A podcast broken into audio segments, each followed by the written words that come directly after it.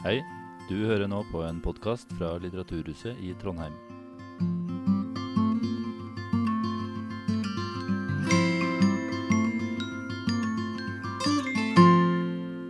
Makta oppi der var egentlig ikke interessert i individene, så lett lenge de eh, klarte å skille mellom rett og galt. Resten var egentlig uviktig. Så sier Foucault at eh, på et tidspunkt så begynner det å vokse fram en annen måte å orientere seg, eh, der man blir mer opptatt av hvert enkelt menneske i samfunnet. Dette får eh, løfte opp det han kanskje har vært mest berømt for, nemlig den disiplinære makta som han beskriver her som en ambisiøs, altomfattende styringsteknologi eh, med en rekke ulike grep innretta mot å disiplinere menneskene. Eh, som har sitt opphav i bekjempelsen av pest, som jo er veldig aktuelt i vår tid. Eh, hvordan byrommet, eh, samspillet mellom by og omgivelser osv. ble regulert langs disiplinære teknikker fordi at man skulle bekjempe pesten men der disse teknikkene og instrumentene som ble utvikla i forbindelse med bekjempelsen av pesten, deretter spredde seg utover i samfunnslivet og ble brukt til å styre samfunnsutviklinga. Så eh, sier Foucault at med inngangen til det moderne samfunnet så kommer et tredje nivå inn. En tredje måte å regulere forholdet mellom stat og mennesker på. Eh, og det er sjølreguleringas styringskunst. En styringskunst som handler om å ta et skritt tilbake og betrakte ikke om individene gjør rett eller gærent i forhold til lover og regler. Ikke å disiplinere hvert enkelt individ, men å gjøre grep som kan sikre at befolkninga som helhet eh, lever på rett måte. Eller ikke, ikke lev på rett måte. Lev på en sånn måte at det gagner samfunnsutviklinga. Og Som en del av sjølreguleringens eh, måte å styre på, så blir begrepet økonomi, som i utgangspunktet var et begrep som favna husholdet, husfarens eh, regulering av de økonomiske forholdene i familien, blir heva opp til det politiske nivået og gjort til et eget virkelighetsnivå i samfunnet. Og Gjennom dette så får man en endring av hvordan det styres, der man i økt grad legger vekt på styringsinstrumenter som kan rette seg mot samfunnsnivået, mot befolkninga, og som sånn sett ikke griper så direkte inn overfor individene som den disiplinære makta gjorde. Det viktige med disse styringsteknikkene CFK handler om å stimulere virkeligheten sin egen dynamikk og la ting utfolde seg i henhold til sin egen natur. For dem som er litt kjent i ideologiens verden, så hører vi liberalismen her. Vi skal ikke gripe direkte inn. Vi skal la ting eh, utfolde seg i henhold til dets egen eh, dynamikk, uten at man styrer for direkte. Foucault sier at, at, det moderne, vestlige samfunnet, eh, og det gjelder alle land, i større eller mindre grad var prega av denne utviklinga, som ikke handla om at man forlot rett gærent-styring eller den disiplinære makta, men at man stadig tilfødde nye styringsteknikker som gjorde styringa mer avansert, som gjorde at vi som befolkning, som helhetlig samfunn, ble inkludert i styringens eh, formål og innretning i mye større grad enn før. Men samtidig er det jo sånn at selv om man kan betrakte dette som allmenne trekk med det moderne samfunnets utvikling, så er det klart at hver nasjon har sine særtrekk. Har, altså nasjonene har en kultur, eh, mer eller mindre. Man har visse sosiale strukturer Sverige og Norge hadde ikke lik sosial struktur. For eksempel. man hadde forskjellig næringsgrunnlag, man hadde forskjellige geografiske og klimatiske forhold som spilte inn i disse prosessene. Eh, og der man ser at Norge på 1800-tallet eh, var prega av en kanskje høyere grad av vilje til aktiv forming av samfunnsutviklinga, en mer direkte inngripende styring enn i mange andre land eh, som sannsynligvis fikk betydning for mye av politikkutviklinga i det norske samfunnet med lange spor framover. Jeg tar meg derfor tid til å trekke linjen gjennom 1800-tallet med embetsmannsstaten og med venstrestaten, der jeg i stor grad vil meg på Rune Slagstad sin framstilling av det som skjer på 1800-tallet. Fordi at jeg anser disse linjene som viktige å trekke før jeg til slutt havner i mellomkrigstida. Som vi vet, så var mellomkrigstida prega av økt splittelse og fragmentering med økonomiske problemer, arbeidsledighet og et ytre trussel, press fra både fascisme og stalinisme inn mot det norske samfunnet. Og der, I ettertid vet vi at det er jo ikke gitt om man velger demokrati eller diktatur som en vei videre. Og der valget definitivt ikke var åpenbart for arbeiderbevegelsen og Arbeiderpartiet. Inndelinga i nasjonalstater ble oppfatta som en borgerlig-liberal konstruksjon. En maktstruktur som ikke tjente arbeiderklassens interesser. Så derfor, som en slags motmakt til de nasjonale eh, strukturene, så ble det iverksatt et aktivt arbeid for å forene arbeiderne i en felles formasjon med alternative verdier og alternative symboler.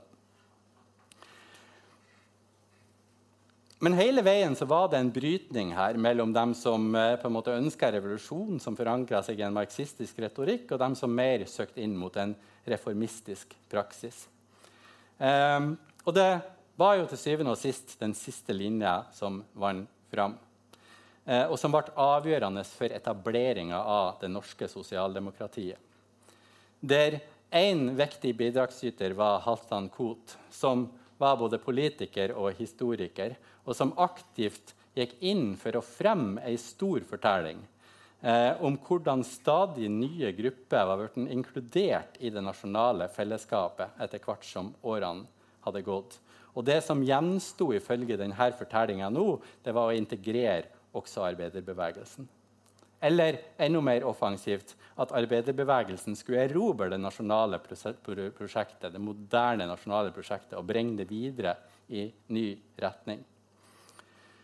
Denne koblinga mellom eh, det nasjonale og arbeiderbevegelsen var selvfølgelig helt avgjørende for at en sosialdemokratisk tenkemåte en sosialdemokratisk prosjekt for samfunnsforming og for styring av samfunnsutviklinga skulle kunne oppstå. Eh, det er klart at et skrift som en norsk treårsplan fra 1933, forfatta av Ole Kolbjørnsen og Aksel Sømme, og ikke minst hovedavtalen mellom LO og NAF, altså mellom arbeidere og arbeidsgivere, i 1935, og kriseforliket mellom Arbeiderpartiet og Senterpartiet også eh, hadde stor betydning for det som skjedde. Så i løpet av bare kanskje 10-15 år så hadde Arbeiderpartiet bevega seg fra et rasjonalt til et nasjonalt, systemliberalt ståsted. Men man har tatt steget inn i den norske virkeligheten. Og der andre verdenskrig på en måte ble en slags konsolidering av det foreninga av det nasjonale og arbeiderbevegelsens orientering. Forening til en felles konfigurasjon der ulike elementer ble limt sammen på en annen måte enn forut for det. Altså Verden endra seg på en vesentlig måte. Eller de som kom til å forvalte makta i Norge, endra seg på en vesentlig måte. Men disse to komponentene Eh, altså Foreninga av arbeiderbevegelsen eh, og nasjonen eh, var ikke helheten i det som skapte det sosialdemokratiske styringsprosjektet, det sosialdemokratiske prosjektet for samfunnsforming. I tillegg så kom inkluderinga av vitenskap, rasjonalitet, ingeniørkunst. Det vokste fram en sterk ambisjon om å vitenskapeliggjøre politikken der sosiologer, sosialøkonomer, ingeniører, arkitekter osv. ble inkludert på en helt annen måte enn før. Um, og som bidrar til at politikken beveger seg fra en ideologisk orientering over mot en mer pragmatisk, teknisk, instrumentell nyttetenkning. Uh, I dette kom gjennombruddet til planismen, um, altså der man Via systematisk kunnskap og målretta planer skulle samfunnsutviklinga formes langs rasjonelle spor. Ord som fag, samkunnskap, fornuft, plan, organisasjon og orden vant fram. Um,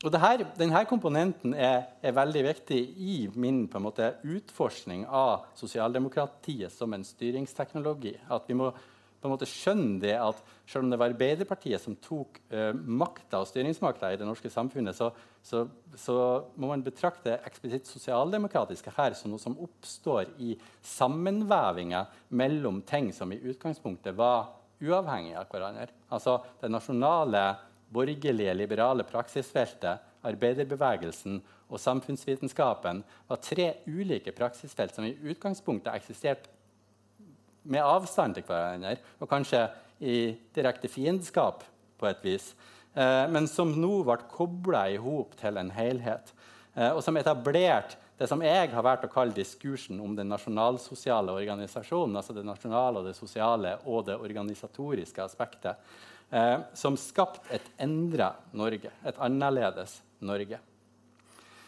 Hva denne diskursen består i, hvordan den fungerer, forsøker jeg da å gå inn i og utforske på en mer grundig måte. Jeg har selvfølgelig ikke tid til å gå inn i det nå, men jeg går inn i skriftet 'Framtidens Norge', den såkalte blåboka som den norske arbeiderbevegelsen ga ut i 1944, eh, altså under andre verdenskrig, som var eh, et innspill til organiseringa av eh, gjenreisningsarbeidet etter krigen. Hva slags verdier og mål det skulle forankres i, og hvordan samfunnsforminga skal kanaliseres i ei ny retning.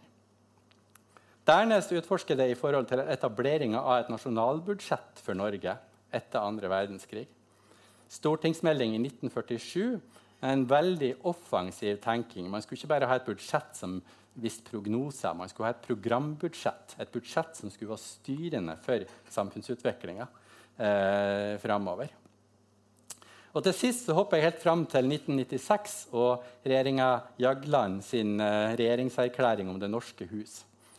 Jeg forsøker å vise at imellom disse tre ulike dokumentene pluss en del andre dokumenter, så er det en del eh, måter å nærme seg verden en del måter å bearbeide og ordne og gi verden en retning på som kan betraktes som en diskurs. Som har kraft, og som er vedvarende over lang tid. Eh, og som er innretta mot å forme samfunnet på alle mulige måter. Det handler ikke bare om å forme økonomien, men det handler sagt, om å forme hele samfunnet og menneskene. Hvordan de tenker, hvordan de er som mennesker i det norske samfunnet. Etter at jeg har utforska denne eh, eh, diskursen, så går jeg inn i den sosialdemokratiske samfunnsforminga mer konkret. Eh, og forsøke å si noe og vise noe om hvordan dette faktisk fikk effekter i konkret arbeid for å forme samfunnet og mennesker. Ambisjonene om å lage et programbudsjett som skulle styre den nasjonale utviklinga, stranda i stor grad. Den var møtt med protester og politisk debatt. På samfunnets mykere felt, derimot, eh, ble ambisjonene i mye større grad gjennomført. Jeg sveip innom språkfeltet, ambisjonen om å lage samnorsk, kulturfeltet, idrettsfeltet, arbeidet med å skape økt fruktbarhet i befolkninga, eh, arbeidet for å øke eh, ernæringsnivået, sunnhetsnivået i befolkninga, og psykologien, eller mentalhygienen. Eh, og vise hvordan på tvers av alle disse ulike feltene så foregår det eh, en parallell forskyvning. En parallell forskyvning i hvordan man tenker, hva man orienterer seg inn mot. Eh, kanskje oppsummert med sterke ord av Carl Evang, helsedirektør Carl e- Evang, som slo fast veldig tydelig at vi må planmessig ta vare på menneskesinnet for å unngå en befolkning av høre, skakkjørte angstbitere, lystangripere, personforfølgere og diktatorspirer. Eh, det, var, det, var, det norske befolkninga kom til å ende opp med hvis ikke, hvis ikke de fikk styre befolkningas eh, danningsprosess osv. Eh, rimelig heftig og, og, på en måte med stor vilje til å påvirke eh, som sagt, både på et menneskelig og på et samfunnsmessig plan. Det er klart at I dette landskapet som man ser på tvers av mange ulike felt, så er det noen subjektposisjoner som blir veldig viktige for å ivareta denne samfunnsforminga. Uh, og jeg drøfter da profesjonsutøveren som en sentral uh, figur i dette. her.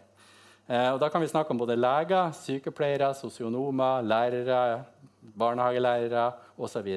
Altså ulike profesjonsutøvere. Som gjennom sin utdanning, kompetanse og yrkespraksis alle utøver spesifikke oppgaver på vegne av storsamfunnet. Der Trenden etter andre verdenskrig var at både kunnskap, holdning og handlingsteknikker ble mer standardisert enn før. Det ble mer vekt på det å gjøre objektive vurderinger. Det var mer knytta til en statlig frambrakt velferd. Eh, altså velferden skulle være statlig skapt i større grad via profesjonsutøverens eh, yrkesutførelse. Og For dem som kjenner til Michel Foucault, så er det jo noe, det er jo noe i det her. Altså, altså, profesjonsutøverens fremste ansvar er ikke å si nei. Profesjonsutøverens fremste ansvar er eh, ikke å sette opp en stengsel mot virkeligheten, men derimot å ta steget inn i virkeligheten med sikte på å forme den på positivt vis. I et krysspunkt mellom politiske føringer, faglige ferdigheter og verdibaserte vurderinger så skal individene tilpasses og bli en del av en samfunnsmessig sunn tilstand. Profesjonsutøveren er en viktig figur i den sosialdemokratiske eh, styringskunsten. Helt åpenbart. Etter en del sånn generelle betraktninger så avslutter jeg dette kapitlet om sosialdemokratisk samfunnsforming med å gå inn mer eksplisitt i det skolepolitiske feltet og det boligpolitiske feltet. I det skolepolitiske feltet så framtrer det en høy ambisjon om å føye menneskene inn i en ny og bedre form. Det gjelder, som det ble sagt på Stortinget i 1954, å unngå at nordmenn blir et folk av sinker. Derfor trenger man å etablere enhetsskolen for å kanalisere mennesker og samfunn i en distinkt retning. Eh, og man kan trygt snakke om at i dette så er det en enhetsskapende normalitetstvang med relativt lite plass til avvik. Folk blir kanalisert inn i den samme strømninga, i den samme retninga. Eh, for det sosialdemokratiske prosjektet for samfunnsforming trengte mennesker som kunne tilpasse seg og bidra så effektivt som mulig. Og skolen var en meget viktig funksjon i dette helhetlige samfunnsformende prosjektet. Det samme gjaldt det boligpolitiske feltet. Og Det handla ikke bare om at man fikk husbank, og at en innførte en aktiv, overgripende boligpolitikk eh, som på en måte sto der som en pilar i bygginga av en velferdsstat der alle mennesker skulle bo trygt og godt. Politikken rundt boligen handler om mye mer enn boligen i seg sjøl. Det handler også om å problematisere, forbedre og endre folks bovaner. Kobla til en visjon om å skape en ny og bedre og mer moderne levemåte. Eh, der man aktivt intervenerte på veldig mange måter for å få folk til å bo på en bedre måte. Til å leve i husene sine på en bedre måte, til å forme husene sine på en bedre måte. Det var en aktiv, ambisiøs eh, arbeid for å heve standarden på hvordan mennesker levde sine daglige hverdagsliv i sin bolig. Så man kan altså på en måte si at Det boligpolitiske feltet var prega av at fornying av boligmassen og foredling av befolkninga gikk hånd i hånd. Denne aktive samfunnsforminga kan sies å være både norsk, sosialdemokratisk og tidsbestemt. Og Det er litt viktig det at jeg føyer til med tidsbestemt. fordi det er klart at i den grad en mer offensiv, samfunnsformende sosialdemokratisk politikk vender tilbake, så vil den ikke bli helt lik det den var på 40-, 50-, 60-tallet. Politikken var også en barn av sin tid. Eh, men den hadde visse elementer som helt klart var forankra en måte å tenke om samfunnsutvikling om hva som var et godt samfunn, som med stor sannsynlighet vil kun komme tilbake eh, hvis det tradisjonelle sosialdemokratiet eh, vinner tilbake. Og Det som ble skapt disse årene, var på mange måter et, det jeg kaller for et velfungerende mikro-makromaskineri. Jeg skal lese et sitat fra boka mi, eh, der jeg sier det vi ser konturene av her, er hvordan befolkningen gjøres til objekt for intrikat, et intrikat maktvitenspill. Hverdagen utsettes for teoretisk bearbeidelse, empiriske undersøkelser, faglig behandling, politiske inngrep og kulturell normering. Daglige handlinger beleiles med tale, analyse og kunnskapsapparat. Det lyttes, observeres, utspørres, nedtegnes og diagnostiseres. Livets små former tvinges gjennom eh, spesifisering og kategorisering og generalisering til ny eksistens.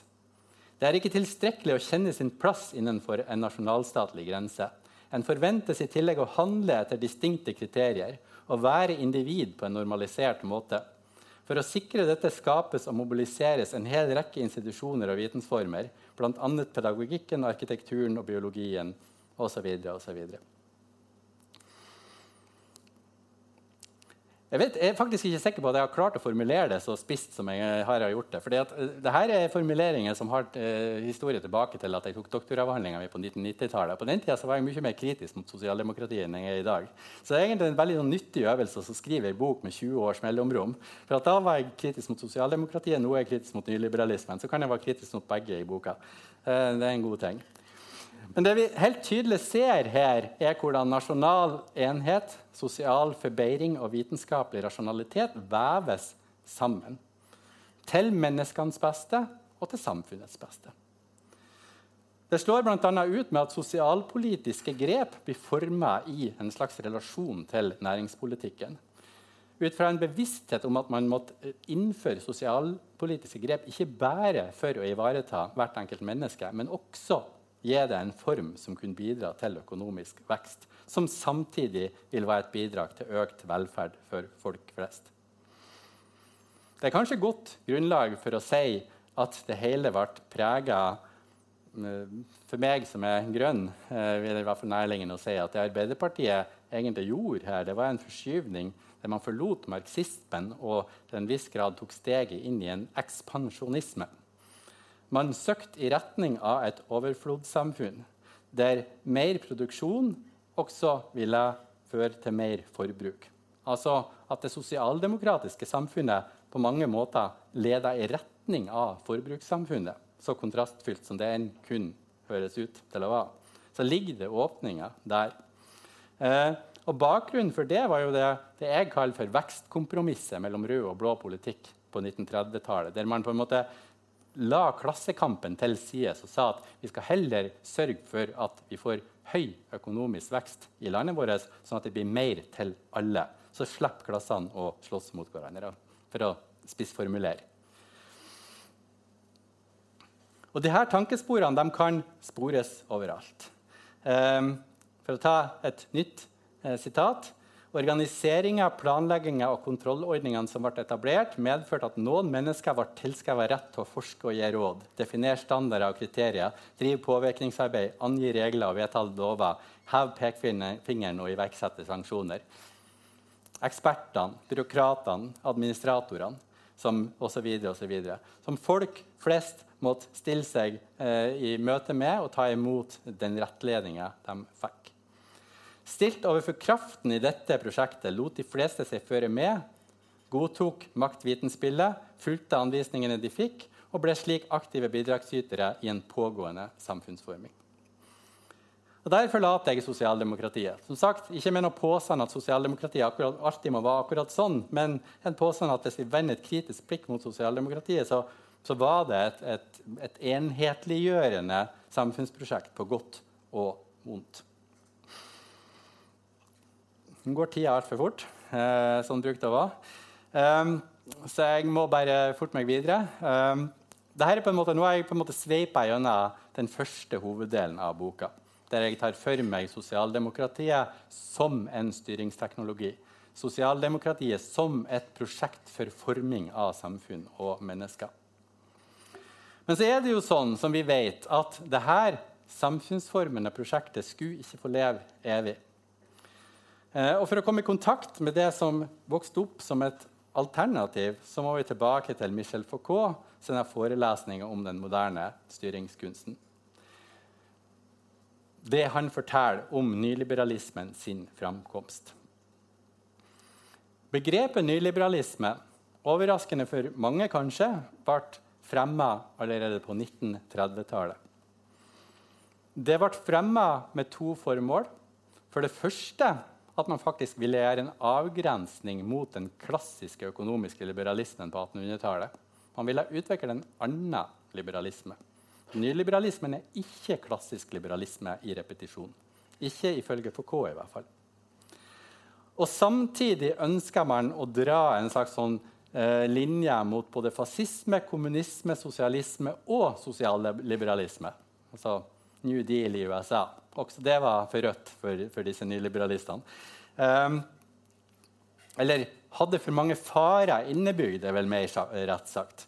Uh, man ville utvikle en ny tenkemåte, en ny måte å tenke om samfunnsforminga, en ny måte å styre samfunnsutviklinga på. Begrepet, ordet nyliberalist, forsvant etter hvert ut. Det var borte i mange årtier, inntil det plutselig kom tilbake i vår tid som et skjellsord. Men de som formulerte begrepet nyliberalisme på 1930-tallet og i tida framover, for dem var det et honnørord. For dem var det en visjon om å skape en annerledes samfunnsutvikling. Eh, hvilket mange vil si at de lyktes med. Vi kan selvfølgelig problematisere om eh, at det som skjer i dag, når nyliberalisme brukes i øst og vest, nesten som ei søppelbøtte som vi kan putte i alt vi ikke liker, eh, er blitt et altfor stort begrep. Eh, og det kan det nok være grunnlag fordi at ordet nyliberalisme brukes på veldig mange forskjellige måter. Og For noen er det bare et navn på den klassiske økonomiske liberalismen, altså la alt flyt-liberalismen eh, sin tilbakevending. Men når FK snakker om det, med referanse til disse folkene på 1930-tallet, så er det en alternativ måte å styre samfunnsutviklinga han identifiserer. Det er en aktiv, styrende tenkespor, en aktiv måte å forholde seg til samfunnsutviklinga på. Um, som ifølge Foucault har spredd seg langsomt ut fram til 1979. Og som vi vet i ettertid har spredd seg noe voldsomt eh, i tiårene etter hans eh, forelesninger om det her. Så Han betrakta altså nyliberalismen som et steg i den moderne styringskunstens historie. Husk på at som jeg sa, Han strakk egentlig den styringskunsten helt tilbake til hyrden sin ledelse av flokken eh, i førmoderne tid. Um, men han ser altså nyliberalismen som et steg på denne styringskunsten sin, sin utvikling. Um, og som sagt, ikke som en ideologi som handler om å bare slippe alt fritt. Det er ikke det nyliberalismen handler om uh, for Foucault. Det handler mer om å forsøke å avklare hvordan økonomien fungerer. Hente ut mekanismene som finnes i økonomien. F.eks. prismekanismen som justerer seg opp etter ned etter tilbud og etterspørsel osv. er en økonomisk mekanisme. Konkurransen Mekanismene som skapes rundt konkurransen, er en sånn type økonomisk eh, mekanisme. For K sier at nyliberalistene forsøker å identifisere Ikke slipp markedet fri, men man forsøker å identifisere mekanismer i økonomien. Eh, og så forsøker man å undersøke om disse mekanismene kan spres utover og anvendes i samfunnet i større målestokk enn bare i den rene økonomien. Altså Den nyliberale refleksjonen, styringsrefleksjonen er et forsøk på å finne en alternativ måte å styre utviklinga på som eksplisitt krever at man styrer på avstand. Som eksplisitt krever at man styrer ved hjelp av indirekte styringsteknikker. Og der bunnlinja handler om å spre konkurransemekanismen utover i samfunnskroppen. Altså stadig mer konkurranse på stadig flere felt, ifølge Foucault, er grunntanken i denne tenkemåten. Hopper vi fram til vår tid, så vet vi alle hvordan anbudsordninger har spredd seg som en farsott gjennom eh, det norske samfunnet. Det kan ses som et eksempel på det her. Anbudsordninger er en økonomisk logikk. Den fremmer konkurranse, og den er spredd utover samfunnskroppen. Vi kan tenke på andre stikkord som humankapital, kvalitetsmåling, resultatindikatorer, eh, resultatrangering, konkurranse, tellekanter osv. Og man ser konturene av det som har skjedd etter at Foucault var ferdig med sin forelesning, etter at Foucault døde. Eh, som han selvfølgelig ikke kunne vite noen ting om. Men han åpna døra til en forståelse at det som har skjedd, i stor grad er et uttrykk for en distinkt styringsteknologi. En distinkt måte å styre samfunnet på. Som sagt, som handler om at man styrer på avstand. Eh, som handler om at man i stor grad overlater styringa til aktørene sjøl, gitt at aktørene er i en konkurransesituasjon. Gitt at aktørene gjør sine valg ut ifra en tanke om nyttemaksimering. Gitt at aktørene gjør sine valg opp mot resultatindikatorene sitt budskap. Gjør du det bedre eller dårligere på resultatindikatorene? Går du ned eller opp på rankinga i forhold til fjoråret? Og så styrer man seg sjøl i henhold til disse indikatorene. Det er en avansert, subtil styringskunst ifølge FK. Og jeg tenker at eh, man skal være ganske heftig for å nekte for at det er nettopp det som har skjedd i de 30-40, faktisk over 40 årene siden han holdt sin forelesning, som har skjedd i samfunnet. Disse teknikkene har spredd seg utover samfunnskroppen i en voldsom eh, bevegelse.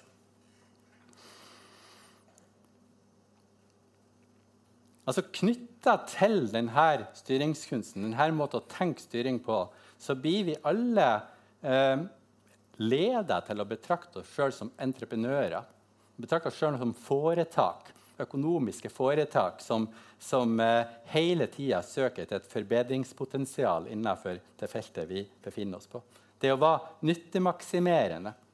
Vi blir opplært til å være nyttemaksimerende eh, via individuelle vurderinger og valg. Ikke som i sosialdemokratiets tid, der det var ekspertene som gjorde vurderingen og valg. Nå er det vi som skal gjøre det. Men det handler ikke bare om vår egen følelse av hvor vi vil i verden. Vi skal gjøre disse vurderingene og valgene opp mot resultatindikatorene, opp mot tallene som blir rapportert på disse indikatorene.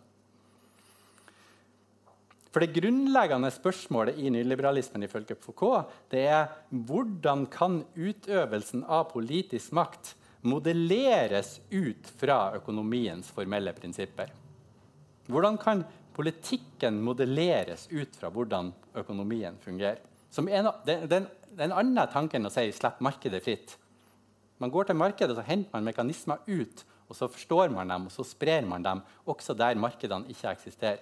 Uh, det handler om noe mer enn bare en, et rent økonomisk frislipp. Det er på mange måter en stat-markedssymbiose vi står overfor her, der staten brukes veldig aktivt. Kanskje egentlig staten brukes like aktivt som i det sosialdemokratiske samfunnet.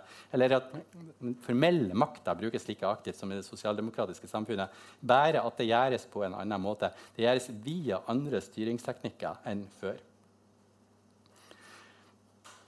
Så Foucault sier at vi, altså den nyliberale styringsdiskursen beveger seg i retning av eh, det såkalte foretakssamfunnet. Eh, der, altså der, den klassiske økonomiske liberalismen ville etablere klar grense.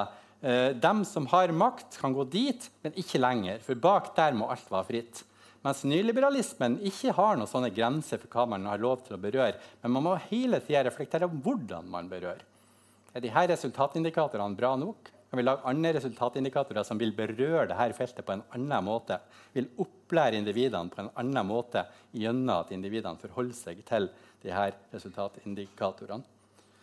Hvordan unngår vi å trå feil i dette arbeidet å, når vi forsøker å spre økonomiens mekanismer utover samfunnskroppen?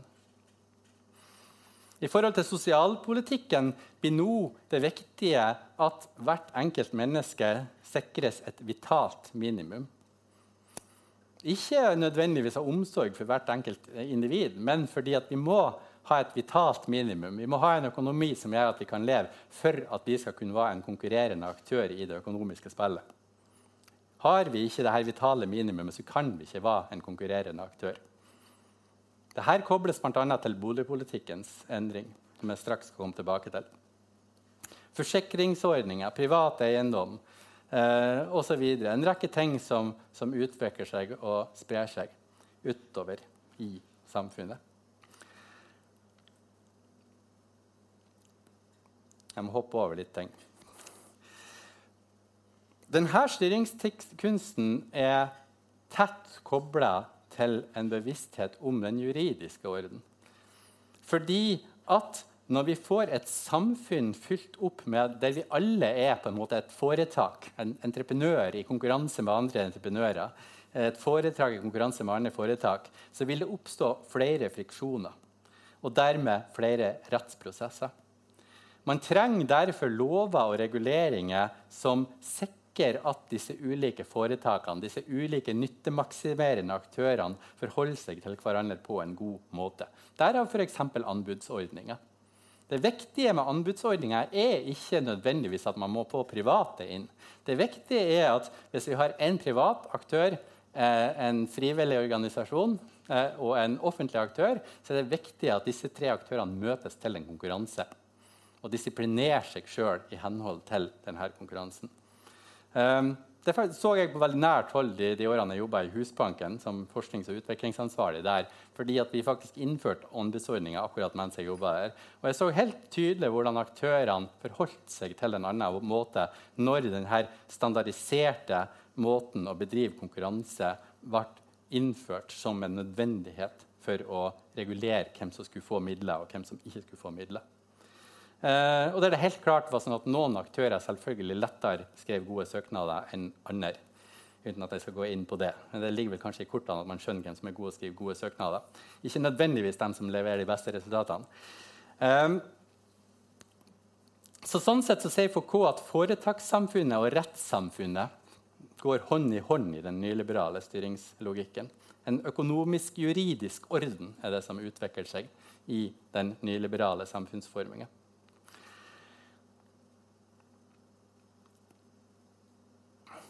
Jeg, altså en vesentlig forskjell eh, på det sosialdemokratiske og det nyliberale det er at den sosialdemokratiske diskursen, den sosialdemokratiske samfunnsforminga, i stor grad ble etablert i Norge og i en del andre land.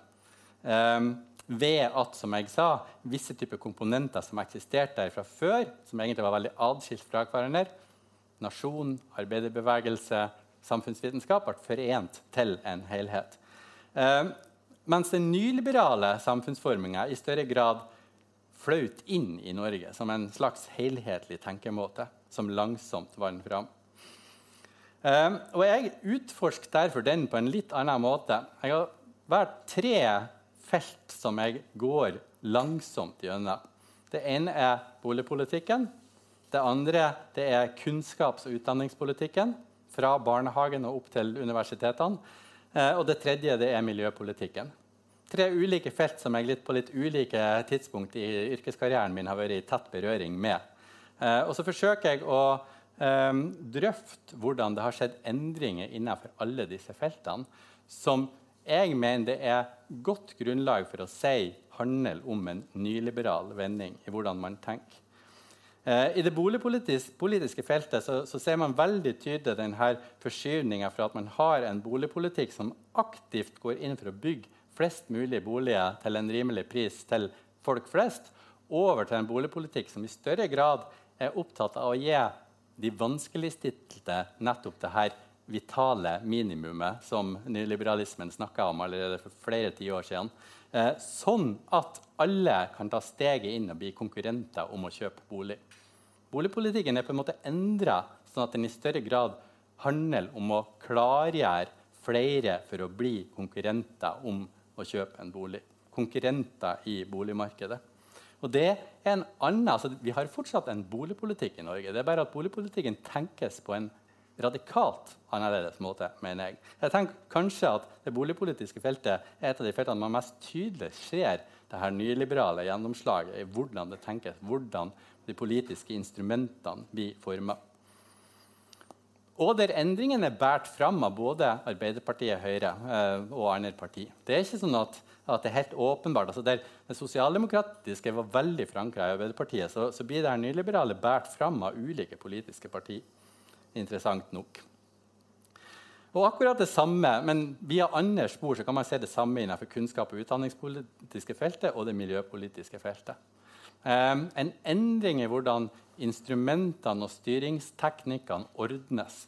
En endring i hvordan de samspiller med hverandre, og dermed en endring i hvordan samfunnsutviklinga eh, pågår. Eh, som kan summeres opp med å si at vi har en nyliberal samfunnsforming i dag. Helt åpenbart. Eh, og jeg velger her, og når jeg kommer til det kapitlet der jeg skal skrive eh, om denne nyliberale samfunnsforminga som helhet, så, så, velger jeg faktisk å eh, eksemplifisere med en god del fra mine, mine, fire år som ansatt i Trondheim kommune.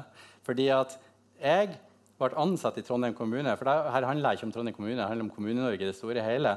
Jeg ble ansatt i Trondheim kommune i 2001. Eh, og det var omtrent akkurat samtidig som hele Kommunal-Norge gikk gjennom en voldsom transformasjon i hvordan man tenkte om hvordan det kommunale feltet skulle fungere. Man fikk tonivåmodell, man fikk resultatenheter, man fikk led lederavtaler, resultatindikatorer, bestillere og utførere osv. Det skjedde noe radikalt nytt i dette feltet. Eh, og jeg mener at dette er den nyliberale styringsteknologien som slår inn til de grader og endrer alle, norske kommuner i løpet av få år. Og det er fryktelig fascinerende å se.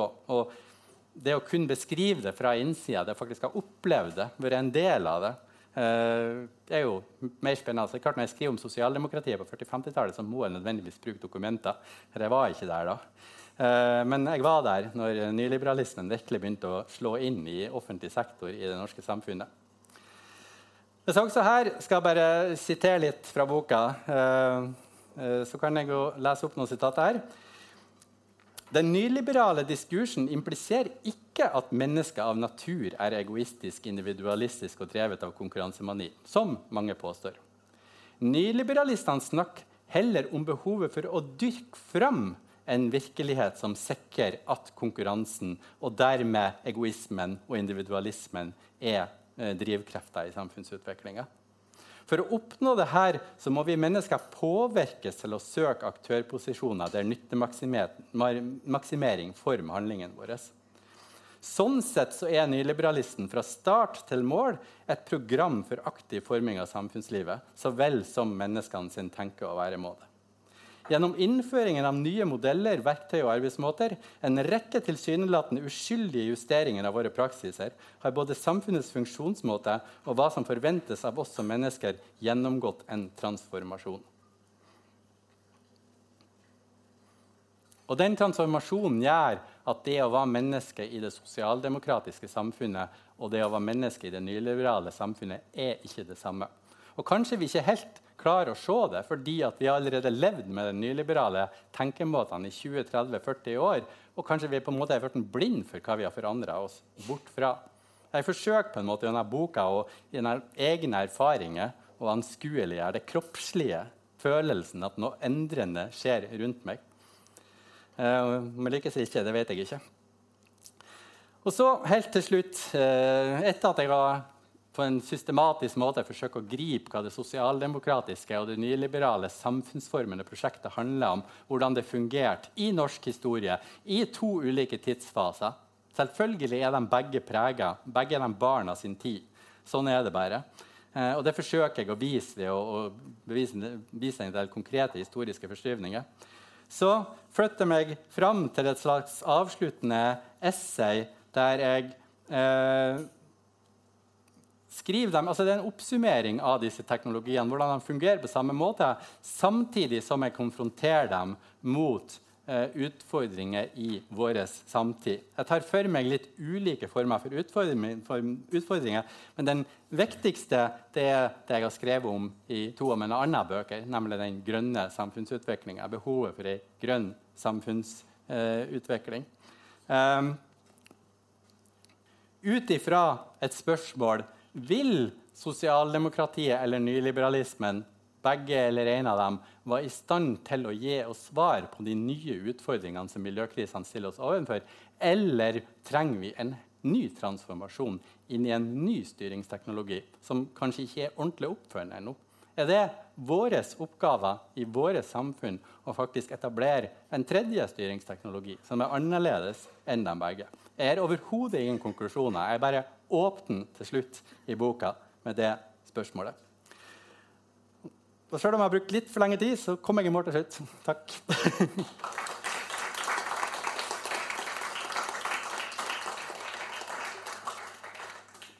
Vi, um, før, vi tar pausen, så skal jeg bare si helt kort eh, Klokka er nå 2023, så vi kan ta en pause til 2030. Men før dere spretter opp, så vil jeg bare helt si uh, at jeg selger bøker i pausen nå for dem som vil ha. Uh, og jeg selger bøker uh, etterpå. Vi er ferdig. Det, det, er forresten åpent her også etter at selve møtet er ferdig klokka ni. Så det går an å fortsette å være her en stund. Eh, hvis folk vil komme fram og kjøpe, så håper jeg at dere oppfører dere fint i disse koronatidene og ikke henger over hverandre og ikke henger over meg. og Det blir ingen håndhelsing og ingen klemming, dessverre. Jeg liker å klemme, men ikke nå. Eh, og så jeg vet ikke, Dere har laga en plakat. Den her, ja, denne her, ja. Altså, Boka koster egentlig 369. Dere får den for 325 eh, her i dag, signert hvis dere vil det. I tillegg det har jeg ikke fortalt til arrangørene, så har jeg med noen av den forrige boka mi. Og hvis noen vil kjøpe begge dette er et sånt tilbud bare til dem som vil kjøpe begge, så selger jeg begge for 500 til sammen. Det, det, er halv pris omtrent på den her. Eh, men jeg har ikke så mange av den. ennå. Så da skal vi ta pause til halv ni. Da eh, Pausen gikk fort. Jeg gjør gjerne det. Eh, er det noen som har noen eh, altså nå, nå, må jeg jo selvfølgelig innrømme dette er ei bok på 364 sider som strekker seg over ekstremt mye forskjellig. Så jeg følte jo at jeg fedde gjennom ekstremt mye nå. Så jeg må beklage hvis jeg gikk litt over stokk og stein. Uh, men jeg tenkte at det viktigste var å skape et sånn helhetsinntrykk av boka som helhet fremfor å stoppe opp uh, ved enkeltkapitler så veldig mye. Sånn er det nå. Uh, er det noen som har noen tegn dere? Ja?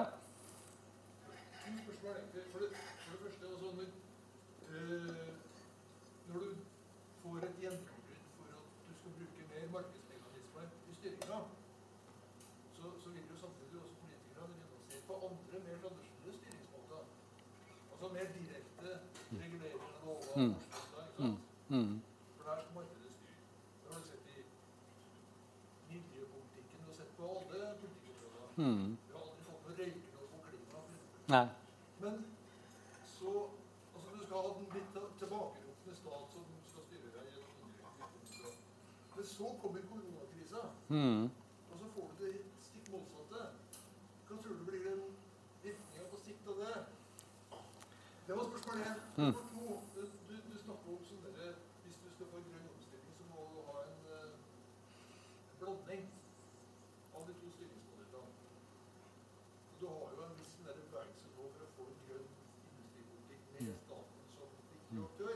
Mm.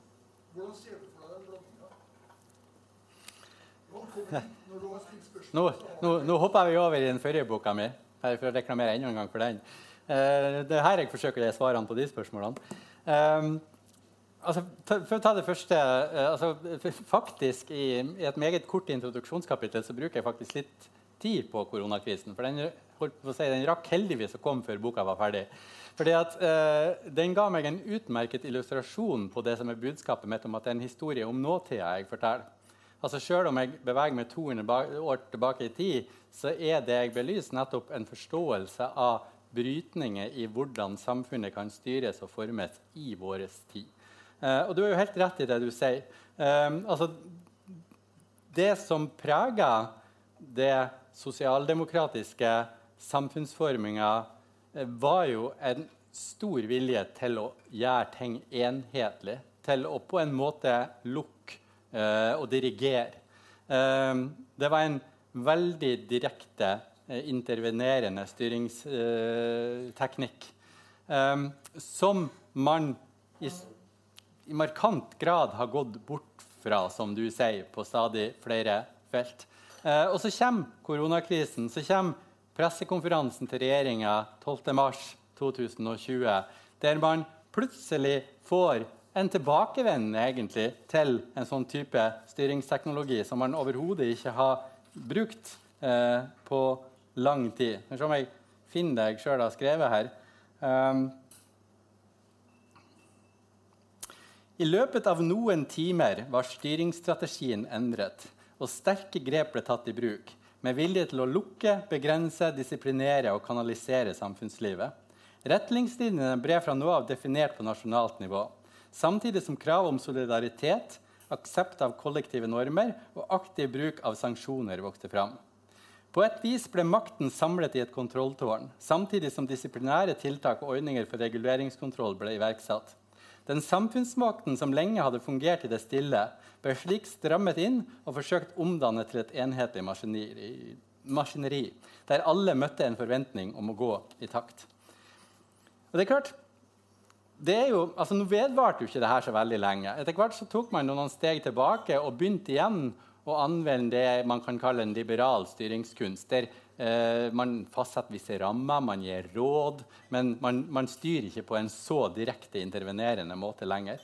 Men det er klart, den norske befolkninga befolkninga i andre land fikk en erfaring med at disse andre styringsinstrumentene fortsatt eksisterer. At de fortsatt er mulig å iverksette, og at de faktisk kan gjøre en forskjell når vi står overfor utfordringer.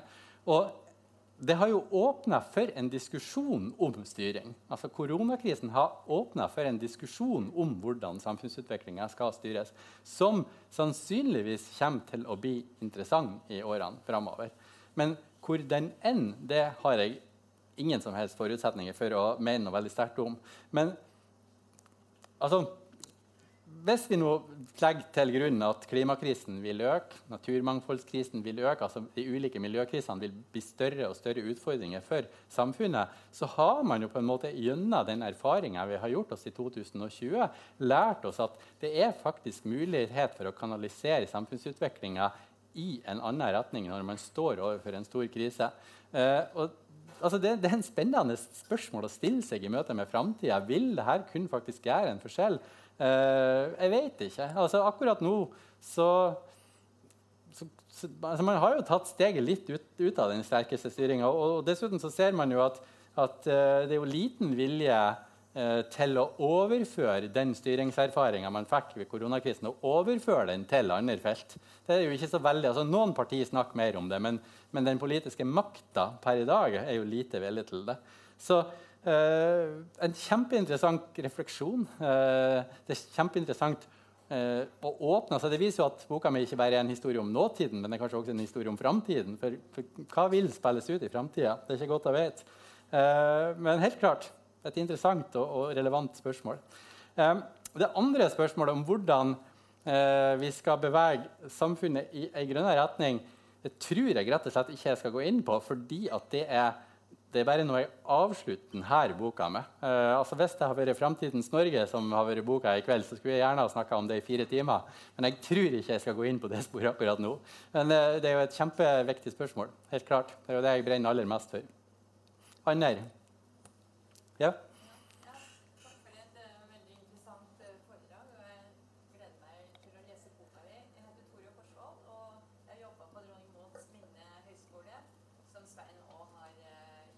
Mm. Mm.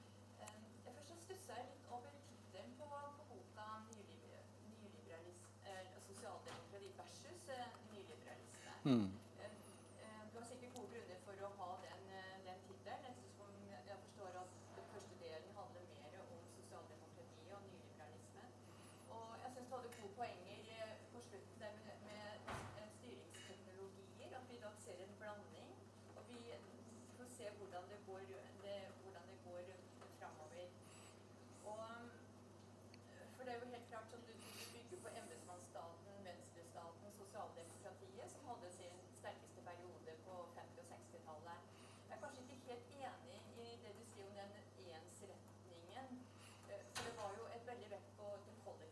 mm. felles, fellesskapet, mens eh, nyliberalismen er mer mot individet, konkurranseutsetting osv.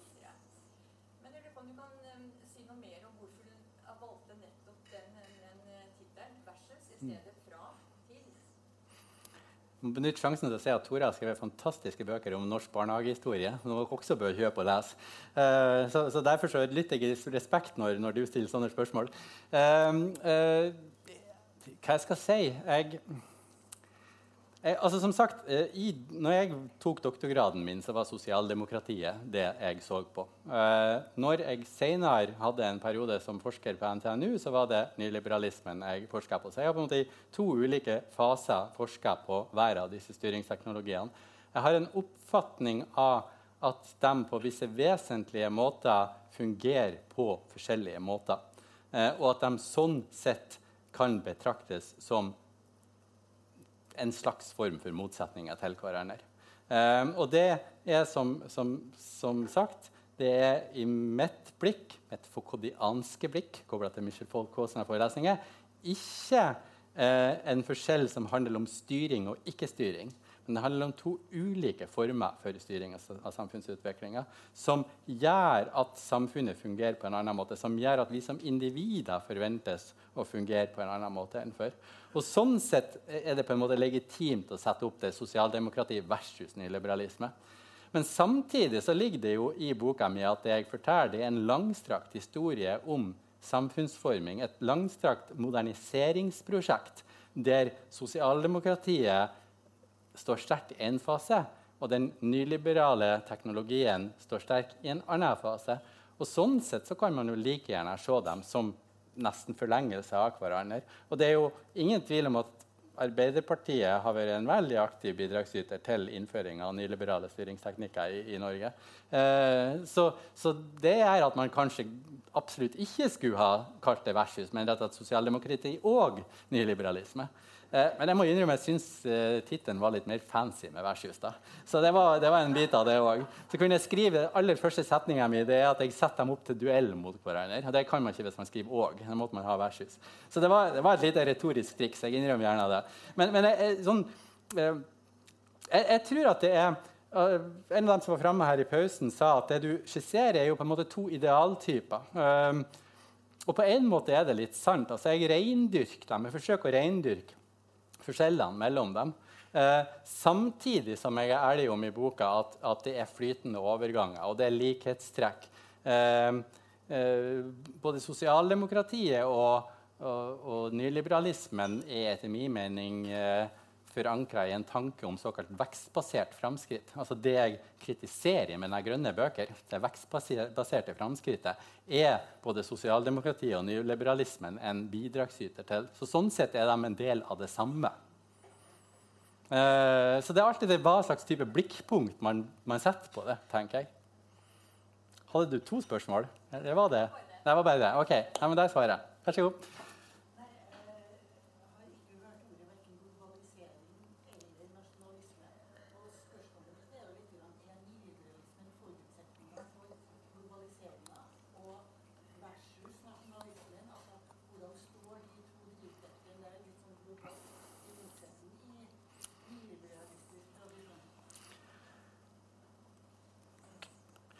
Jeg, har sikkert ikke brukt ordet globalisme globalisering i det hele tatt. Altså, det er på en måte, Alle mine bøker har forankret seg i Norge og det norske. Og jeg betrakter altså det Norge og det norske som min, mitt casefelt. Jeg utforsker Norge og det norske. Men, men, det jeg skriver om, strekker seg egentlig mye lenger ut. Det, altså, en case trenger ikke å handle bare om casen. Den kan også handle om, om det casen er et uttrykk for. Um, jeg vil jo si altså, I forhold til det her jeg, jeg starta med i forhold til sosialdemokratisk så var jo kalt Sosialismen var jo internasjonal. Det er jo ikke tilfeldig at man synger 'Internasjonalen'.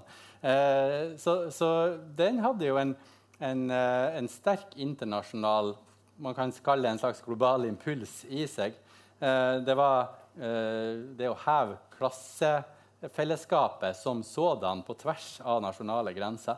Men som jeg sa, Det sosialdemokratiske styringsprosjektet ble i stor grad etablert ved at man aksepterte de nasjonale grensene. Og så gjennomførte man bygginga av velferdsstaten, etableringa av enhetsskoler, etableringa av et inkluderende samfunn som delvis handla om inkludering gjennom tvang. Samer, tatere, sigøynere osv. Det handla ikke bare om en fredsommelig enhetsskaping. Um, det ble innført innenfor en nasjonal helhet. Eh, det handla om et nasjonalt eh, samfunnsformende prosjekt. Um, og man kan på en måte si at det er i møte med altså På 70-tallet oppstår det økonomiske kriser. Det oppstår eh, utfordringer med å bevare det her eh, sosialdemokratiske, nasjonale eh, samfunnsformende prosjektet. Eh, som handler om en økt internasjonalisering, som handler om at Norge blir utsatt for konkurranse som gjør at man kanskje ikke helt kan, man kan ikke løse ting bare internt nasjonalt lenger.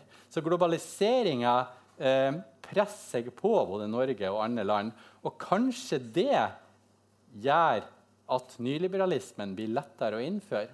Og kanskje også motsatt vei, at nyliberalismen bidrar til globaliseringa. Eh, det, kan man, det kan man godt eh, åpne opp for. Altså, konkurransemekanismene med anbudsordninger skal jo gjerne ikke bare favne det norske samfunnet, men de skal jo altså, kommer det noen aktører fra utsida av Norge og vil være med i konkurransen, så skal de i prinsippet ha lov til det. Så, så det er jo en, en, en, en oppløsning av de nasjonale grensene til en viss grad. Uh, men ikke på noen total måte. Det nasjonale blir ikke borte. Um, så det gjør at jeg fortsatt kan utforske casen min innenfor de nasjonale grensene. Og da velger jeg på en måte å være litt streng med meg sjøl, som jeg har vært i alle bøkene, men jeg velger å holde meg innenfor Norges grenser fordi at jeg syns at det gjør det mer overkommelig til å se alle de faktorene som er på spill, til å se endringene som skjer. Det, altså det, det er stort nok at jeg feiv over helse Eh, bolig, miljø, eh, skole Masse ulike felt. Hvis jeg i tillegg skulle liksom sett på hvordan det var i andre land, så ville det blitt for krevende. rett og slett. Eh, jeg vil jo anta at disse nyansene er forskjellige i ulike land, men samtidig kanskje det er likhetstrekk ute og går der. Men det, det, blir, det, blir, det, blir, noen andre som får ta den jobben, tenker jeg. Det skal ikke jeg gjøre.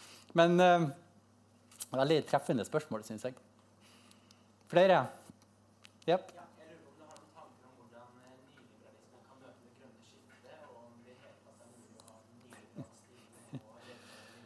blir jo litt det samme spørsmålet som du, du eh, altså, eh, jeg, Det er jo et av casene, et av uh, kapitlene mine handler om miljøpolitikkens omforming. Og jeg mener at det er et veldig uh, godt eksempel på altså jeg mener at I stor grad så er miljøpolitikken forma innenfor den nyliberale orden.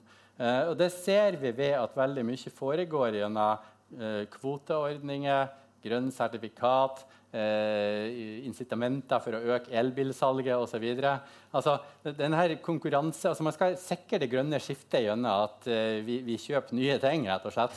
Eh, og gjerne at det er en sånn konkurranse mellom ulike leverandører av grønne produkter. Altså Veldig mye av tenkinga om det grønne skiftet er kobla til det som jeg tenker er en en veldig, altså Hele dynamikken i det og ordninga har, har, et veldig preg av, av, av nyliberale liberale styringsteknikker. Um, og det har ikke trengt å være sånn. Uh, og det er jo et interessant spørsmål i forhold til koronakrisen. For det er jo veldig mange som ser at det vi gjorde i møte koronakrisen, er et eksempel på hvordan vi må møte miljøkrisene. Og det vil da vil jo argumentet være at disse nyliberale styringsteknikkene overhodet ikke er nok. Vi trenger mer direkte styringsgrep. Vi trenger en, en, eh, stat som går inn og sier at vi skal satse på det her og ikke det her. At vi skal slutte med det her og begynne med det her. Altså en mye mer Altså En stat som ikke bare står der og, og gir incitamenter til en utvikling, men som aktivt definerer hva som skal, eh, skal, gjøres. Og Det kan betraktes som en brytning mellom en sosialdemokratisk og en nyliberal styringsteknologi som brynes mot hverandre, og som kjemper om overtaket. Uh, så, altså, hele tiden når jeg snakker om det nyliberale og det sosialdemokratiske, det er klart det finnes mange ulike nyanser innenfor den, denne store begrepene her. Men, men uh, det, ikke, altså, det, vil synes på en vis når man leser boka, mer enn jeg har muligheten til å gå inn i dem her. Eh, men jeg stiller jo det spørsmålet om Hvis vi betrakter sosialdemokratiet og nyliberalismen som to former for styringskunst, to styringsteknologier, to samfunnsformende prosjekt, så stiller jeg det spørsmålet til slutt i boka. Kan en av dem eller en kombinasjon av dem løse de grønne utfordringene? Eller må vi tenke helt nytt? Må vi utvikle en ny styringskunst som på en måte er annerledes enn de begge. Og det tenker jeg, det må jo være mulig å tenke langs sånne typer spor. fordi at Verken sosialdemokratiet eller nyliberalismen har eksistert bestandig. De har oppstått i møte altså, Egentlig så oppsto både sosialdemokratiet og nyliberalismen på 1930-tallet. De oppsto samtidig. Men Altså var det først den ene, og så den neste som erobra styringsmakta. Eh, men da kan man si at begge de to oppsto i ei krisetid.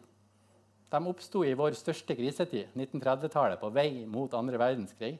Nå er vi miljømessig i, sannsynligvis på godt vei inn i nye krisetider. Trenger vi da å stoppe opp og tenke tankene på nytt? Trenger vi da å forme samfunnsutviklinga langs andre spor? Bruke andre former for styringsteknologi som ikke bare handler om å kombinere de to, men om å utvikle noe genuint nytt? Um, det mener jeg er en utrolig viktig diskusjon. Der jeg altså, for enda en gang å ta opp den forrige boka mi, 'Framtidens Norge', jeg forsøker å antyde muligheter i det. Eh, det som både handler om å kombinere det som jeg har fra før, men samtidig om å tenke langs nye spor. Eh, en slags både-og-tenking der. Eh, men det er klart at jeg har overhodet ikke noe klare svar på det. Eh, jeg, min, min, motiv er mer å åpne, altså være en bidragsyter til å åpne diskusjonsrommene. Og så, så får vi finne svarene i fellesskap. Hvor mye er klokka nå? Okay, den er bare fem på ennå. Ikke så fort. Flere? Var det et OK svar? ikke så lett bestandig. Uh, flere?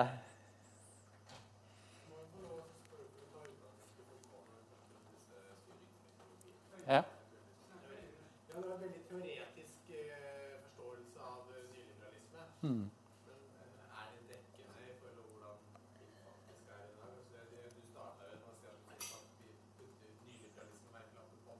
Mm. Men nå er jeg absolutt enig i det, men det er, jeg tror det er mye mer omfattende enn at du bare trekker ut eh, hva skal vi si, økonomiske styringsprinsipper. Det er jo nutritive management. Ikke sant? Mm. Du strekker mye lenger enn det. Hva er dette ideologiske skiftet som vi alle føler på? Denne Mm. eh, kjøpsmentaliteten, denne kjøpkast, ikke sant? Hva er Mm. dette? Og er ikke det Som sagt, det med kjøp, kast og, så videre, og ekspansjon og forbrukssamfunn det kan man egentlig si også sosialdemokratiet i aller høyest grad bidro til. Så, så det er ikke det, det Men altså, for, altså Foucault sine utlegninger er ikke teoretisk. Han går inn i konkret empiri og utforsker hvordan verden utveges i konkrete empiriske diskusjoner. Så det er en empirisk analyse. Men eh, der han betrakter eh, altså, Husk på at han snakker om nyliberalismen på et tidspunkt der ingen andre snakker om den. Eh, og han betrakter altså som et steg på veien i den moderne styringskunsten, som han mener har tatt stadig nye former, eh, og som styrer samfunnsutviklinga på forskjellige måter, og som former mennesker på forskjellige måter. Eh, jeg, for meg så er det eh, et, et utrolig treffende perspektiv. Um, og jeg har jo hatt den der kroppslige erfaringa når jeg var kollega med deg i Trondheim kommune i fire år. Eh, altså jeg, jeg hadde den kroppslige erfaringa og å tre inn i Jeg hadde en del kjennskap til kommuner fra noen år forut for det.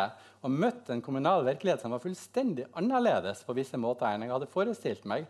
Eh, og lurte på hva er det som foregår her.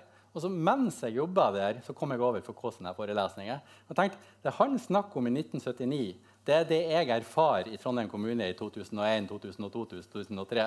Så jeg tenkte egentlig at han helt klart har oppdaga en strømning som var begynt å bli sterk på 1970-tallet, men som har tatt av etterpå, og som har hatt kraft til å forme veldig mye av samfunnsutviklinga.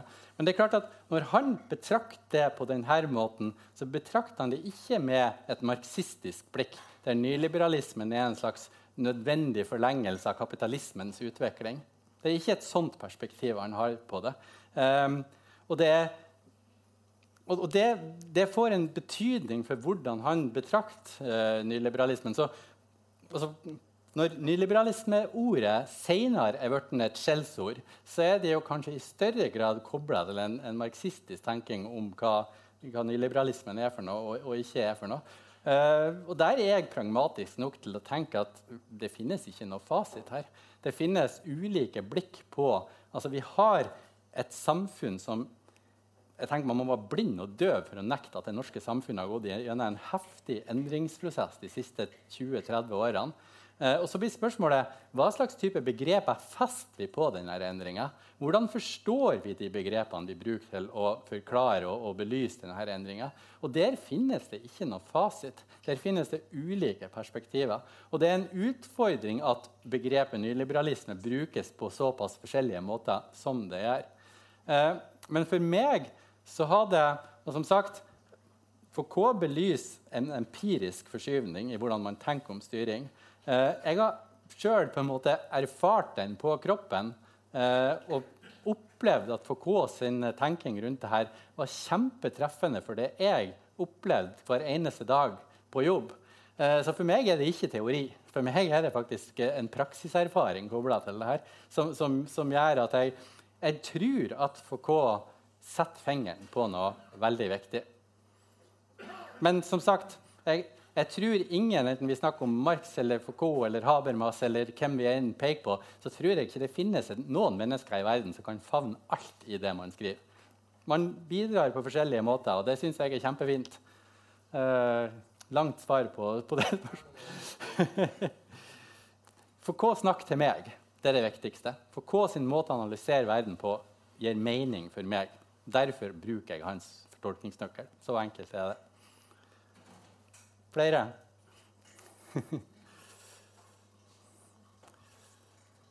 Jeg blir ivrig her nå. Jeg kunne ha prata om det her i ni timer hvis dere hadde lyst, men eh, jeg må jo prøve å begrense meg. Skal vi eh, begynne å avrunde? Ehm, I så fall så må jeg jo eh, si enda en gang at du, En ting før folk begynner å gå, så må jeg si jeg har, altså, jeg har en blogg som heter Hammerbloggen. og Der har jeg skrevet en kort tekst om boka mi. Hvis folk er fryktelig snille med meg, så, og dere er på Facebook, så tar dere og del den teksten om boka mi på, på Facebook. Så kan dere dere reklame for ei viktig bok. Um, såpass må jeg få si. Jeg har lyst til å bli lest av hele verden. Um, hvis det er flere som har lyst til å kjøpe, så må dere bare komme fram. Uh, og hvis ikke, så sier jeg takk for meg.